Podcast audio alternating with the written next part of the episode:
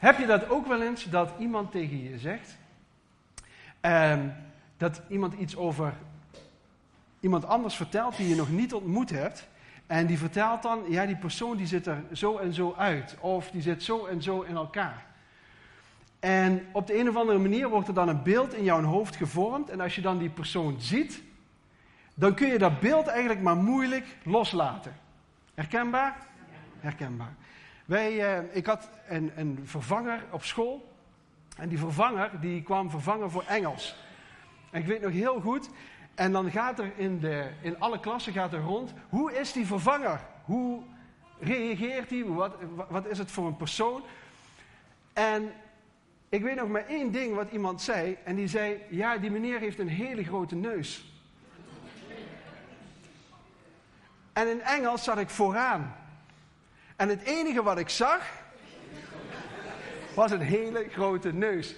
Van de lessen, ik denk dat ik daar niet veel meer van heb begrepen, maar dat was het enige waar mijn focus op lag. Een tijd geleden vertelde iemand mij, uh, ik, heb, uh, ik heb iemand ontmoet en uh, ik kon die persoon ook en ik had hem ook al leren kennen. en die heeft een tik. Weet je wel, iets wat je de hele tijd doet. Ik heb dat ook, ik, doe, ik zit vaak in mijn neus. Um, en die persoon had dat ook. En bij Rempel, we zitten in een bespreking en het enige wat ik zie, ik hoor niks meer, ik zie alleen maar die tik. Maar net zoals dat het met het uiterlijk van mensen is, kan dat ook met karaktereigenschappen zijn. Als iemand iets over jou heeft verteld, bijvoorbeeld die persoon is, die zit er meteen bovenop. Die is zo kattig, die is zo vinnig. Dan is dat het eerste of het enige wat jou opvalt.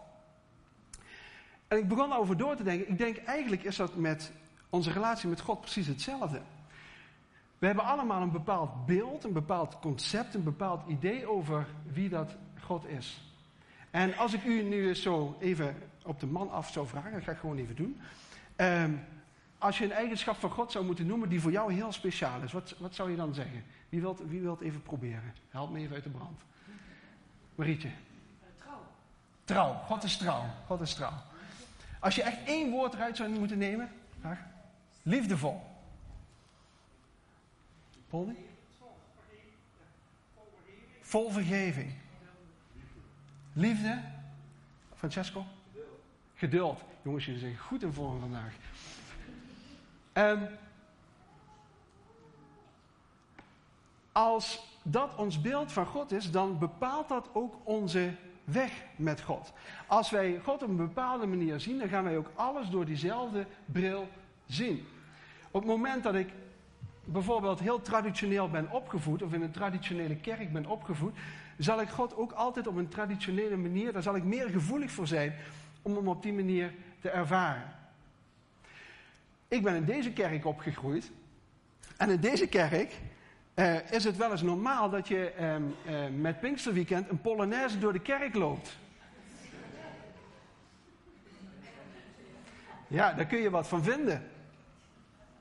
Daar voel ik ook van alles bij. Ik ben niet zo van de Polonaise, maar ik heb me er toch een ondergedompeld en een overgegeven. Ik vond het geweldig eigenlijk. Kijk, maar als jouw beeld van God is van ja, het, ik zie hem op een bepaalde manier, hij is een bepaald idee voor mij, dan ga ik alles wat ik met hem meemaak ook op die manier vergelijken en beleven. En het frappante is dat we God daar als het ware een beetje mee gaan inkaderen. En ik heb de titel van mijn preek genoemd, je ziet hem al, als God God mag zijn. En daar moet je maar eens een beetje over nadenken, want er is God met een kleine g en God met een grote G. Omdat ik vaak denk dat we God op een bepaalde manier geschapen hebben, hebben neergezet met een kleine G, terwijl dat de God met de grote G daar verre malen bovenuit gaat.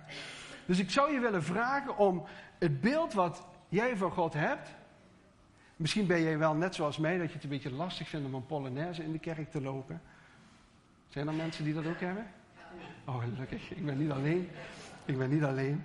Maar ik vond het stiekem toch wel heel erg leuk.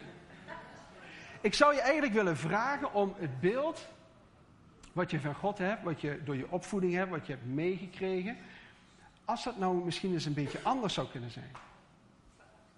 Stel je voor dat jij alleen maar helemaal in de glorie raakt als er alleen maar een polonaise in de kerk wordt gelopen. Ook dat kan. Dan zou ik je willen vragen of je eens zou willen voorstellen hoe het zou zijn om stil en devoot naar God te zijn. En ik wil je vragen of je met dat concept een beetje naar deze preek wilt luisteren. Ik wil namelijk een verhaal uit de Bijbel halen. En dat staat in 1 Samuel 4 en dat mag je alvast opzoeken. En ik ga het eerste gedeelte een beetje vertellen. Het is namelijk zo dat de Israëlieten hebben door de woestijn ingetrokken. En God heeft ze overal naartoe geleid. En ze hebben allerlei steden ingenomen. Ze hebben het beloofde land ingenomen. Maar eigenlijk is het nog een beetje een land zonder identiteit. Ze hebben een land gekregen. Ze wonen daar. Maar je merkt dat ze zich nog niet helemaal op hun gemak voelen. Je zou kunnen zeggen, ze hebben nog geen nationale identiteit. Komt dat bekend voor? En wat gebeurt er op een bepaald moment? Zeggen die. Uh, ik kan er gewoon niet vanaf blijven. Um, zeggen die Israëlieten. Laten we eens een robbertje gaan vechten. Laten we eens een ruzie gaan uitzoeken. En dan gaan we naar de Filistijnen toe. En dan geven we die eens toch een slag op hun neus. Dat ze voor eens en voor altijd weten dat wij de Israëlieten zijn. Dus iedereen trekt zijn kleren aan, zijn wapenkleren. Ze trekken naar het strijdveld toe. Die Filistijnen die horen dat, die laten dat niet op zijn kop zetten. En die gaan ook naar dat slagveld toe. Iedereen stelt zich op in slagorde. En het volgende gebeurt dan. De Israëlieten overtuigd van dat zij Gods volk zijn. Zij binden de strijd aan. En wat gebeurt er? Je raadt het al, ze verliezen. En ze verliezen niet zo'n klein beetje. Ze verliezen op die ene dag 3000 mannen. Iedereen daar dood.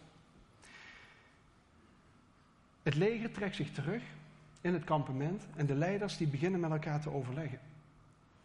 Wat is er nu in vredesnaam gebeurd? Hoe heeft ons dit kunnen overkomen? En dan zeggen ze het zelfs nog iets sterker. Hoe heeft de Heer dit kunnen toestaan? Wij binden de strijd aan, God moet met ons meekomen en wij horen te winnen. Wat kunnen we doen om dit probleem op te lossen? Een van die leiders die kreeg een geniale ingeving. Die zegt, nou we hebben in het verleden gemerkt dat als die ark van God bij ons is, dan zal God met ons meestrijden en met ons meegaan. En wat gebeurt er? Ze gaan de ark ophalen in Silo. Een aantal van het leger die gaan daar naartoe. En de zonen eh, Pinegas en Gofni die gaan mee om die ark als het ware te, bewaren, te bewaken. En die ark staat hier achter mij op dat plaatje. Moet je een beetje zo voorstellen. In die ark, weet iemand wat er in die ark zat? De geboden. De geboden. En de toonbrood en de staf. Maar daarvan wordt eigenlijk aangenomen dat die ook voor die ark werden neergelegd. En daarbovenop lag een deksel. En dat deksel was gemaakt van puur goud. Dik, van puur goud gemaakt.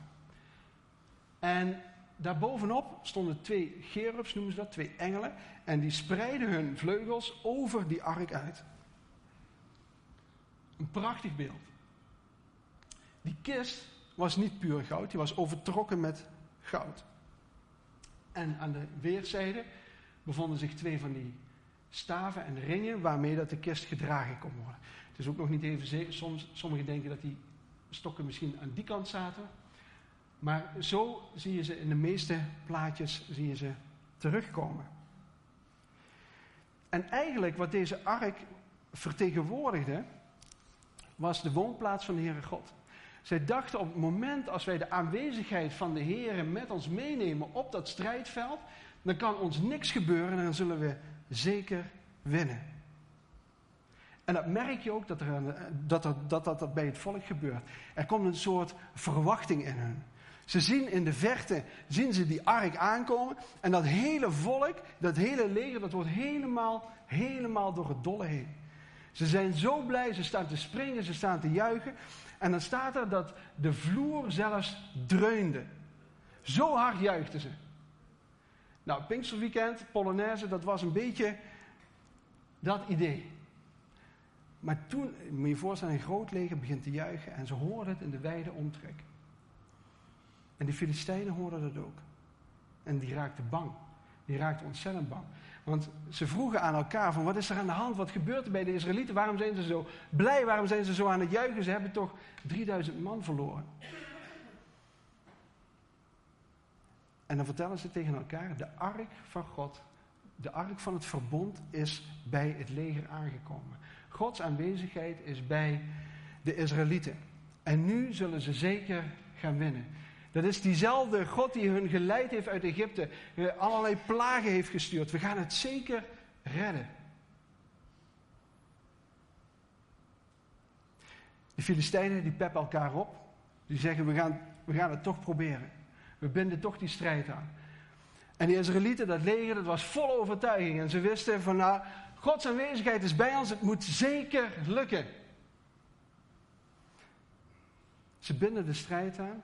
En wat gebeurt er op die dag? Vier keer zoveel mannen eh, laten het leven. 30.000 mannen van Israël komen om. En de ark van het verbond was daarbij. En wat gebeurde er? Die twee zonen van de hoge priester die werden gedood.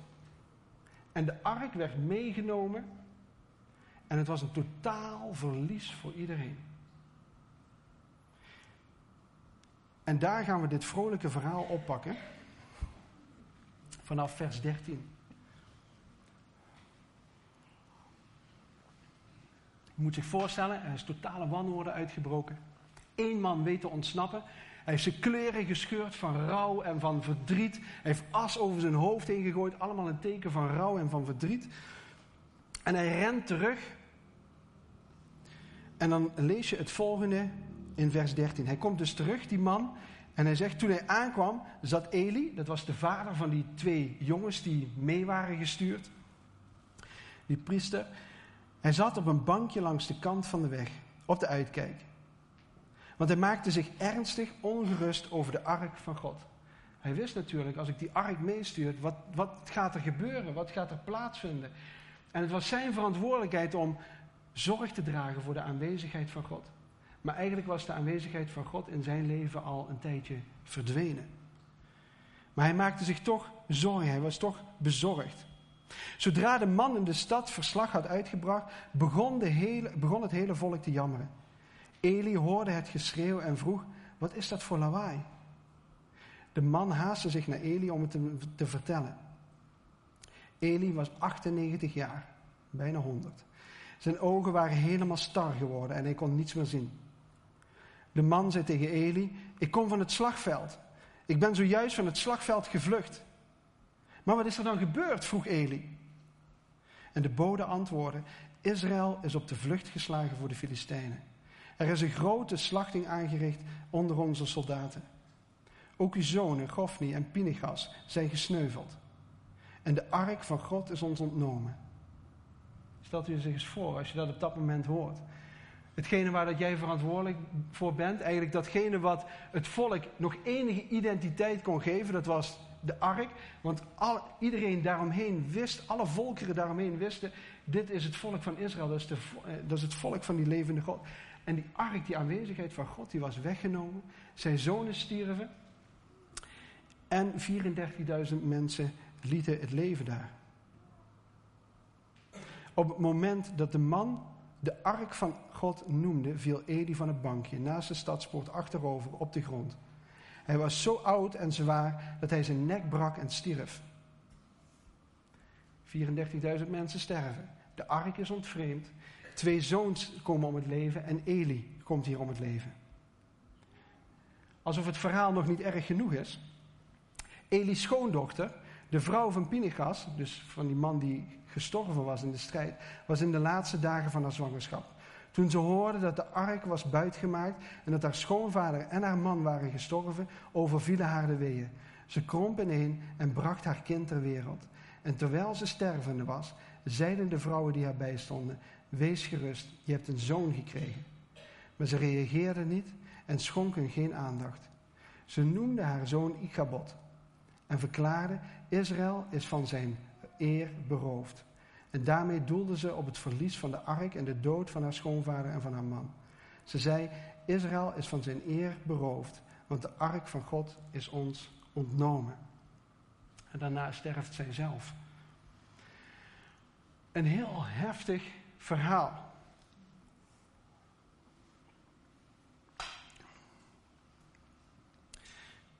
Ik was zo onder de indruk van het verhaal, om, en daarom wil ik daar eigenlijk twee eh, preken over houden. Want het verhaal gaat nog verder hierna. Zoals al die verhalen uit de Bijbel natuurlijk, maar dit verhaal gaat op een bijzondere manier verder en daar wil ik volgende week over spreken. Maar het frappante is dat als wij de stelling voor ogen nemen als God God mag zijn, wat zou er dan mis zijn gegaan in dit verhaal? Zij dachten dat als God God mag zijn, dan is hij meer God op mijn manier. Ik kies er wel voor hoe dat ik God inzet in mijn strijd. Ik kies er wel voor wat hij kan doen en wat hij wil doen.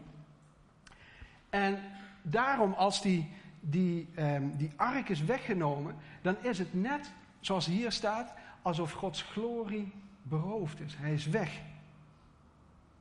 Die mevrouw die aan het bevallen is, die noemt haar kind Igabot. En Gabot betekent eigenlijk de eer van God of de glorie van God. En de Duitse Bijbel vertaalt het nog veel mooier. Die zegt de heerlijkheid van God. En die i die daarvoor staat, betekent eigenlijk de ontkennende vorm. Als het ware, de eer is weggenomen. De glorie van de Heer is weggenomen.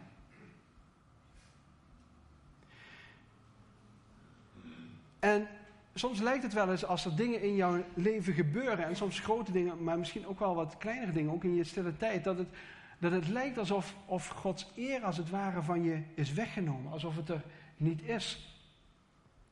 Of hij niet aanwezig is, of hij niet dat contact met ons zou willen maken. En het frappante is wat deze Israëlieten eigenlijk gedaan hebben. Zij hadden God in een kistje gestopt. Zij dachten, weet je wat, als we God nou in een kistje stoppen, dan kan Hij met ons mee en dan wint Hij wel voor ons de strijd. Maar God had in dit hele gedeelte niet tot ze gesproken. Zij dachten, als ik God maar meeneem, als ik God maar meeneem in mijn strijd, dan zal Hij zeker doen wat ik verwacht dat Hij zal doen. En ik denk dat het vaak zo is dat wij tot God bidden, dat Hij dingen doet die voor ons out of the box zijn die wij zelf niet kunnen. Maar toch stoppen we daar God soms mee in een box of in een kist. We denken van nou Heer, ik bid hiervoor en dan verwacht ik eigenlijk dat dit en dit eruit gaat komen. Dat u op die manier zo gaat reageren.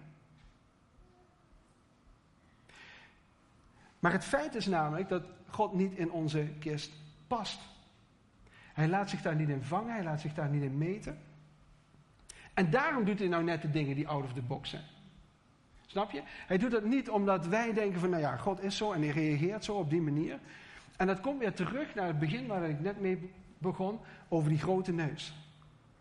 Als je God op een bepaalde manier altijd gezien hebt, altijd voor ogen hebt gehad, dan, dan is het net alsof je veel te weinig van God als het ware waarneemt. Je hebt God in die kist gestopt en je denkt overal waar dat ik naartoe ga, dan neem ik die kist mee en dan zal God op die manier reageren.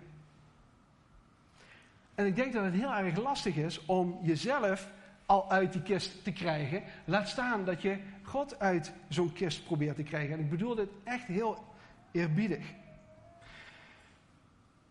Een van de dingen die ik heel erg lastig vind, is als ik een preek voorbereid, dan ben ik uren mee bezig. Sommigen zeggen, nou, dat is niet te merken. Maar, nee, nee, nee. Dan moeten jullie zeggen, oh nee, dat valt wel mee. Um, maar ik werk dan mijn hele preek uit. En dat zijn meestal zes kantjes en dan schrijf ik van alles tussen. Ik zet tekstverwijzingen erin. Ik maak dingen rood, vet gedrukt, groot, klein. Alles zit er op en eraan. En dan neem ik dat mee en dan ga ik daar vanaf preken. Dat vind ik heerlijk, want dan, dan voel ik me zeker. En daarmee wil ik God ook de eer geven. Want ik geloof dat. Ehm, ik geloof dat God ook in die voorbereiding door mij heen werkt. Het is als het ware dat, dat je twee keer God hoort spreken. Je hoort hem in je voorbereiding, maar je hoort hem ook hier spreken. Je ziet dat het woord land, je ziet dat het binnenkomt. En dan, dan, dan zie ik dat God ook weer dingen in mij aan het doen is. Maar het lastige wat ik nu gedaan heb, is dat ik mijn preek thuis heb gelaten. En dat is voor mij echt een hele grote stap. En dat ik eigenlijk alleen vanuit de Bijbel spreek. Ik heb her en der wat aantekeningen gezet. Ik denk, ik durf het toch nog niet helemaal. Maar ik heb mijn preek, mijn zes kantjes, heb ik thuis gelaten. Knap toch? Ja, ja precies.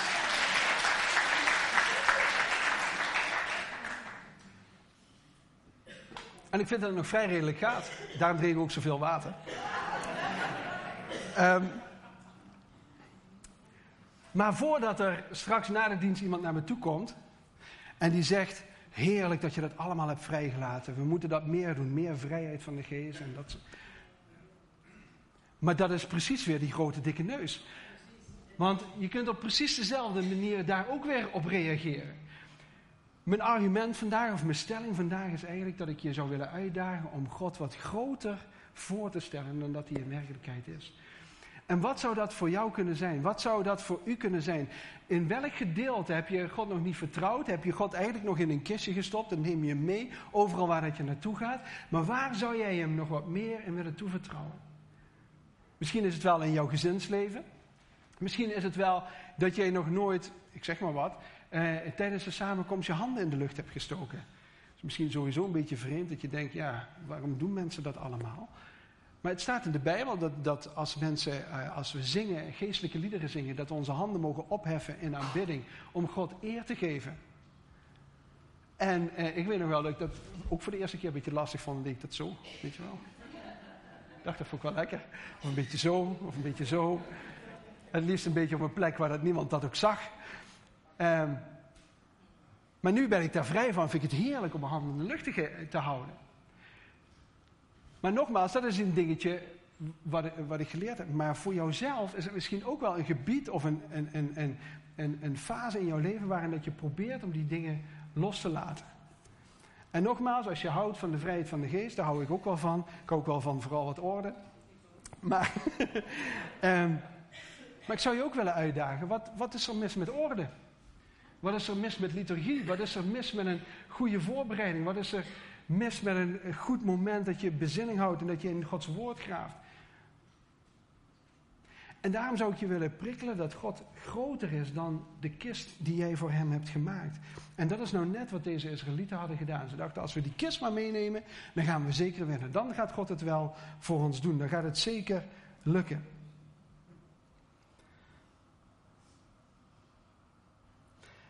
Misschien kun je het plaatje van die kist nog eens even laten zien. Van die ark. Er is iets heel moois mee. Um, het idee is misschien dat op het moment dat die, dat die ark daar, uh, daar was, die ark die stond in het heilige der heiligen. Dat was eigenlijk de aanwezigheid, de glorie, de heerlijkheid van God, die was daar aanwezig. En als die ark daar stond, en voordat je zou denken dat die heerlijkheid van, van God in die ark zich bevond, die bevond zich eigenlijk boven die ark. Tussen die twee vleugels van de gerubs. En ik vond dit zo'n mooi plaatje, omdat je ziet daar een beetje dat licht. En dat is eigenlijk, daar vestigt zich de heerlijkheid van de Heer. En er staat in Hebreeën 9, vers 5 een hele mooie tekst. Dat gaat over dat eh, die ark, de troon van, van God is. Dat God daar troont, dat hij daar aanwezig is. En het moeilijke is dat je daar. Eentje terug. Ja. Het moeilijke is, is dat, dat God daar aanwezig is, dat hij daar is. En die deksel die daarop ligt, zijn er mensen die weten hoe dat, dat deksel heet? Goed zo, het verzoendeksel noemen ze dat. Maar in de Bijbel, in gewone taal of in de basisbijbel, daar staat het heel mooi omschreven. De deksel van vergeving. Vond ik zo mooi. In die kist, daar ligt Gods wet. Eigenlijk zijn richtlijnen voor ons leven. En we kennen allemaal die tien geboden. En de Bijbel leert ons dat op het moment dat we er één overtreden, dan hebben we ze allemaal overtreden. We voldoen daar niet aan. Op de een of andere manier ligt daar een wet waarin dat we onmogelijk kunnen voldoen, waar dat we onmogelijk dichtbij kunnen komen. Maar het bijzondere is dat die verzoendeksel, die deksel van vergeving, een beeld van de Heer Jezus zelf is. Die kist is namelijk overtrokken, ik vertel het net, met, met, met goud. En goud is het beeld van God, van, van zijn heerlijkheid, van zijn aanwezigheid. Maar het is overtrokken over het hout heen. En die deksel die is van puur goud. Helemaal gelouterd goud. Uit één stuk. En die gerubs die zijn erop vervaardigd, ook uit één stuk. En dat vertegenwoordigt de Heer Jezus. En het feit dat we niet aan die wet kunnen voldoen en daarbovenop dat deksel ligt als een deksel van vergeving voor jou en voor mij. Dat je mag weten dat Gods aanwezigheid bij jou is, in jouw werk, bij jou wilt wonen, is hier zo ontzettend mooi zichtbaar gemaakt. En die heerlijkheid van God, die vergeving van God, die nabijheid van God mag je in jouw leven pakken en ervaren en daar mag je mee werken. En het bijzondere is dat die hoge priester, als hij daar kwam, dan sprenkelde hij daar bloed overheen. En we gaan misschien we gaan gewoon even verder kijken of, of we echt de Bijbelleraar hier hebben. Zijn er mensen die ook weten hoeveel keer dat, dat gedaan werd? Nou, dan zit je altijd goed in met zeven. Ja. zeven keer werd dat gesprenkeld over die kist. En zeven is het getal van de volheid, van de volmaaktheid. En het bijzondere is dat ik begon terug te lezen ook de, de, de keren dat Jezus gebloed heeft. En dan wilde ik geen fouten maken, dus die heb ik wel even opgeschreven. Hij bloedde toen hij zweette. Hij bloedde toen hij in zijn gezicht werd geslagen. Hij bloedde toen in zijn baard werd uitgetrokken. Hij bloedde toen hij gegezeld werd. Hij bloedde toen hij een doornenkroon op zijn hoofd kreeg. Hij bloedde toen hij aan het kruis hing. En hij bloedde toen er een speer in zijn zij werd gestoken. Zeven keer. En ik vind deze ark een prachtig beeld van Gods vergeving. Gods niet alleen Gods aanwezigheid, maar ook Gods vergeving over jou en over mijn leven. Dat op het moment dat we God hebben meegenomen in onze broekzak of we hebben God in een kist gestopt, dan mag je weten dat, dat Gods heerlijkheid, zijn aanwezigheid bij jou is en dat zijn vergeving voor jou meer dan voldoende is. En dat geeft zo'n ontzettende vrijheid. Dat geeft vrijheid om stil en devoot te zijn. Dat geeft vrijheid om een polonaise in de kerk te lopen. Dat geeft vrijheid om in zijn woord te studeren. Dat geeft vrijheid om studie te maken van alles wat je ervaart en wat je meemaakt in je leven. En die vrijheid heb ik een beetje het afgelopen weekend ervaren. Eigenlijk de hele afgelopen week zo ervaren. Ik zag namelijk afgelopen weekend een moeder met haar kinderen in een klein tentje hier zijn hier kamperen in de kou. Waarom? Omdat ze belangrijk vond om zichzelf onder te dompelen in Gods aanwezigheid, maar ook haar kinderen daarin mee te nemen. Ik zag een gezin die hun eigen gezinstijd op heeft gegeven en keihard heeft gewerkt, zodat andere gezinnen en andere gemeenteleden een geweldig weekend konden hebben met elkaar. Ik zag mensen voor dag en dauw opstaan, het ontbijt klaarmaken, schoonmaken, opruimen de hele weekend door Waarom? Zodat andere mensen een heerlijke tijd konden hebben. Ik zag hier een dienstenteam helemaal vol. Met zangers, met zangeressen, met muzikanten. Die gepassioneerd God aanbaden. Waarom? Zodat de gemeente gediend en geholpen kon worden. Ik geloof namelijk dat er een kenmerk zit in zo'n veranderd leven. Want dan gaat het niet meer zozeer om, ja, die Polonaise, ja, dat, dat vind ik eigenlijk niks. Dat is niet zo mijn ding. Of, eh, ja, die, die spreker, ja, dat is toch een beetje, poeh, maar het kenmerk van een veranderd leven is dat het niet zozeer om jou gaat, maar dat je je veel meer afvraagt van wat kan ik nou in mijn bediening, in mijn roeping, in mijn dingen doen voor die ander. Dat is het kenmerk van een veranderd leven. Ik zag zondagavond hier een heel groot kruis staan. En er was een, een oproep en daar werd gevraagd welke leugens zijn er in jouw hoofd. En die jouw leven als het ware bepalen. Ik zal maar zeggen, die grote dikke neus. En één voor één kwamen de mensen naar voren en ze plakten die leugens op dat kruis. En toen ging daar iemand voor bidden. En die bad niet voor één persoon, die bad niet voor zichzelf, maar die bad voor de hele gemeente. En daarin, het is zo mooi om te zien dat er in deze kerk een generatie begint op te staan, los van leeftijd, die meer en meer willen ervaren van Gods aanwezigheid. Niet zijn kist meenemen, maar ze willen echt zijn aanwezigheid proeven, ervaren, smaken, deel uitmaken van wat God aan het doen is op dat moment. Daarna stonden hier mensen te vertellen over hoe mooi het is dat er een bemoediging of een profetie kan worden uitgesproken. En ze dachten, dat moeten we niet voor onszelf houden. We gaan de mensen in beweging zetten. We gaan ze helpen om zo'n eerste woord uit te spreken. Kenmerk van een veranderd leven. Het gaat niet om mij, maar ik wil de ander meer dan dat dienen. En daarom geloof ik dat we, als we als gemeente verder gaan en verder gaan en verder gaan, stappen daarin zetten dat God iets bijzonders gaat doen en in beweging gaat zetten. En zo gebeuren er allerlei dingetjes op verschillende vlakken. En ik zal ons dat allemaal gunnen. Ik zal ons dat allemaal gunnen. En misschien mezelf nog wel het meeste. Om uitgedaagd te worden, om een stap te zetten en te denken: hé hey God, maar u bent zoveel groter. U bent zoveel mooier. U bent zoveel. U gaat boven zoveel dingen meer uit dan dat ik zelf kan beseffen en kan begrijpen. En het zit niet in dat, het zit niet in dat, het zit niet in dat. Nee, God, u bent nog ver malen daarbovenuit.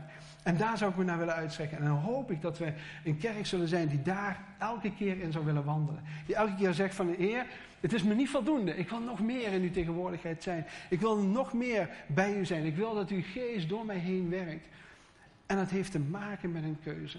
Het heeft te maken met of jij ervoor kiest om die stap te zetten. Of je durft. Misschien was het wel profetisch wat er met dat water gebeurde. Dat je durft om op water te lopen. Iets te doen wat je van tevoren niet had gedacht. Iets te doen waar je van tevoren dacht van, ah, vind ik lastig, vind ik moeilijk. En dan hoop ik dat we een gemeente zullen zijn die, die, die elkaar gaat aanmoedigen. Weet u, een van de meest bijzondere verhalen, en ik denk dat u dat misschien ook wel vindt, is dat, is dat verhaal van die overspelige vrouw. En waar dat de mensen allemaal klaarstaan met stenen, want ze, ze hebben een oordeel klaar. En ze denken van nou, als die vrouw eh, eh, daar ligt, dan gaan we een steen gooien. En dan vragen ze aan de Heer Jezus, wat zou u nu met deze vrouw doen? En dan spreekt hij die bekende woorden, wie zonder zonde is, werpen de eerste steen. Nou, je raadt het al, niemand durft dan een steen te gooien. En als ik dan terugdenk aan zo'n moment, dan denk ik van nou, het enige wat je hoorde was het, ploffen van de stenen. Eén voor één vielen ze uit de handen van de mensen. En daar heb ik die laatste tekst voor genomen. Pak hem maar even erbij. Want ik hoop eigenlijk dat we een kerk zullen zijn die elkaar aanmoedigt. Die niet zegt van ja, ja, je staat daar voor je eigen glorie of je staat daar voor eigen. Nee, we gaan elkaar aanvuren, we gaan elkaar aanmoedigen. En dat staat hier, moedig elkaar elke dag aan. Wie gaat mij morgen bellen? Kijk. Moedig elkaar elke dag aan. Zolang dat vandaag nog klinkt. Vind ik zo mooi. Hier staat eigenlijk, zolang dat we leven, zolang dat we hier zijn, zolang dat we kerk zijn hier met elkaar, zullen we elkaar blijven aanmoedigen, zullen we elkaar blijven bemoedigen, zullen we elkaar blijven aanvuren. En mag er dan geen, geen eh, correctie, mag er geen vermaning, daar, daar, gaat het niet over. Dit gaat over dat er, dat er een, um, nou, was zo mooi, de afgelopen zondag haalden ze dat aan, zondag, dat er een soort sfeer, een soort atmosfeer van bemoediging en van versterking komt naar elkaar toe. Niet van kritiek, niet van een kritische houding, maar in dat we elkaar bemoedigen en sterken. En dit wens ik je echt toe, dat je met elkaar, dat je ervoor kiest om elkaar blijven aanmoedigen, blijven aanvuren en blijven verwachten dat God een wonder kan doen. Amen, amen, amen. Team, willen jullie naar voren komen? Zullen we die zo'n applaus geven, die, uh, die jongens en meiden?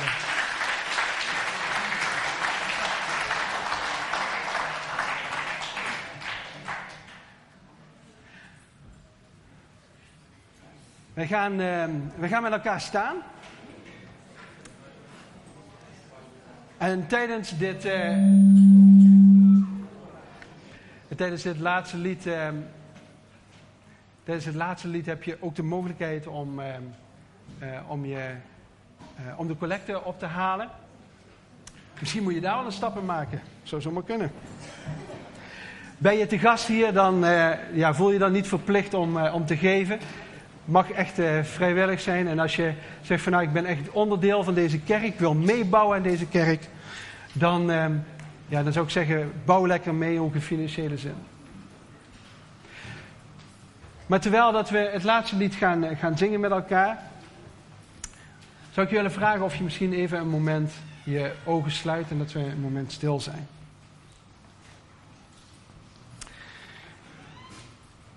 Vader in de hemel, dank u wel, Heer, dat u een, een levende en sterke God bent. Heer God, ik merk bij mijzelf, Heer, dat ik vergeving moet vragen, Heer, dat ik u soms in een kist heb gestopt en misschien nog wel vaker dan dat ik me eigenlijk lief is. Heer, maar vandaag wil ik ook een keuze maken, Heer, om u groter voor te stellen dan dat u bent, of dan, dan dat ik u heb gemaakt. Vader, ik wil niet zo zijn als het volk van Israël, Heer, die u overal mee naartoe neemt en u inzet op het moment dat we u nodig hebben. Heer, dat op het moment dat we in de penarie zijn beland of in de problemen zijn beland, dat we u dan er pas bij roepen. Heer, maar ik wil mijn leven vervlechten, verweven met u, Heer Jezus. Heer, en ik geloof ook dat de mensen die hier aanwezig zijn, Heer, zo'n moment ook zo zouden willen. Vader, ik wil u bidden, Heer, wilt u en ieder op een bijzondere manier aanraken. En misschien is het goed dat je een moment stil bent en dat je een moment voor jezelf neemt. Om God te vragen, waarin zou ik u nog meer mogen leren kennen? Misschien heb je een beetje meer Polonaise nodig. Misschien heb je een beetje beter meer voorbereiding nodig. Misschien heb je iets meer studie nodig. Maar God wil zich in allerlei facetten laten kennen en leren kennen. als we zo meteen een moment stil zijn, dan wil ik je vragen of je dat moment ook pakt om dat naar God toe uit te spreken. En tegen Hem te zeggen: Heer, ik heb u hier nog niet in vertrouwd, maar dat zou ik wel heel graag willen. Ik vind het spannend, ik vind het eng, ik heb het nog nooit gedaan en misschien voelt het wel als op water lopen, Heer, maar ik wil u dit stuk toevertrouwen. Ik wil gewoon een stap verder met u, Heer. Neem er even gewoon een paar ogenblikken voor.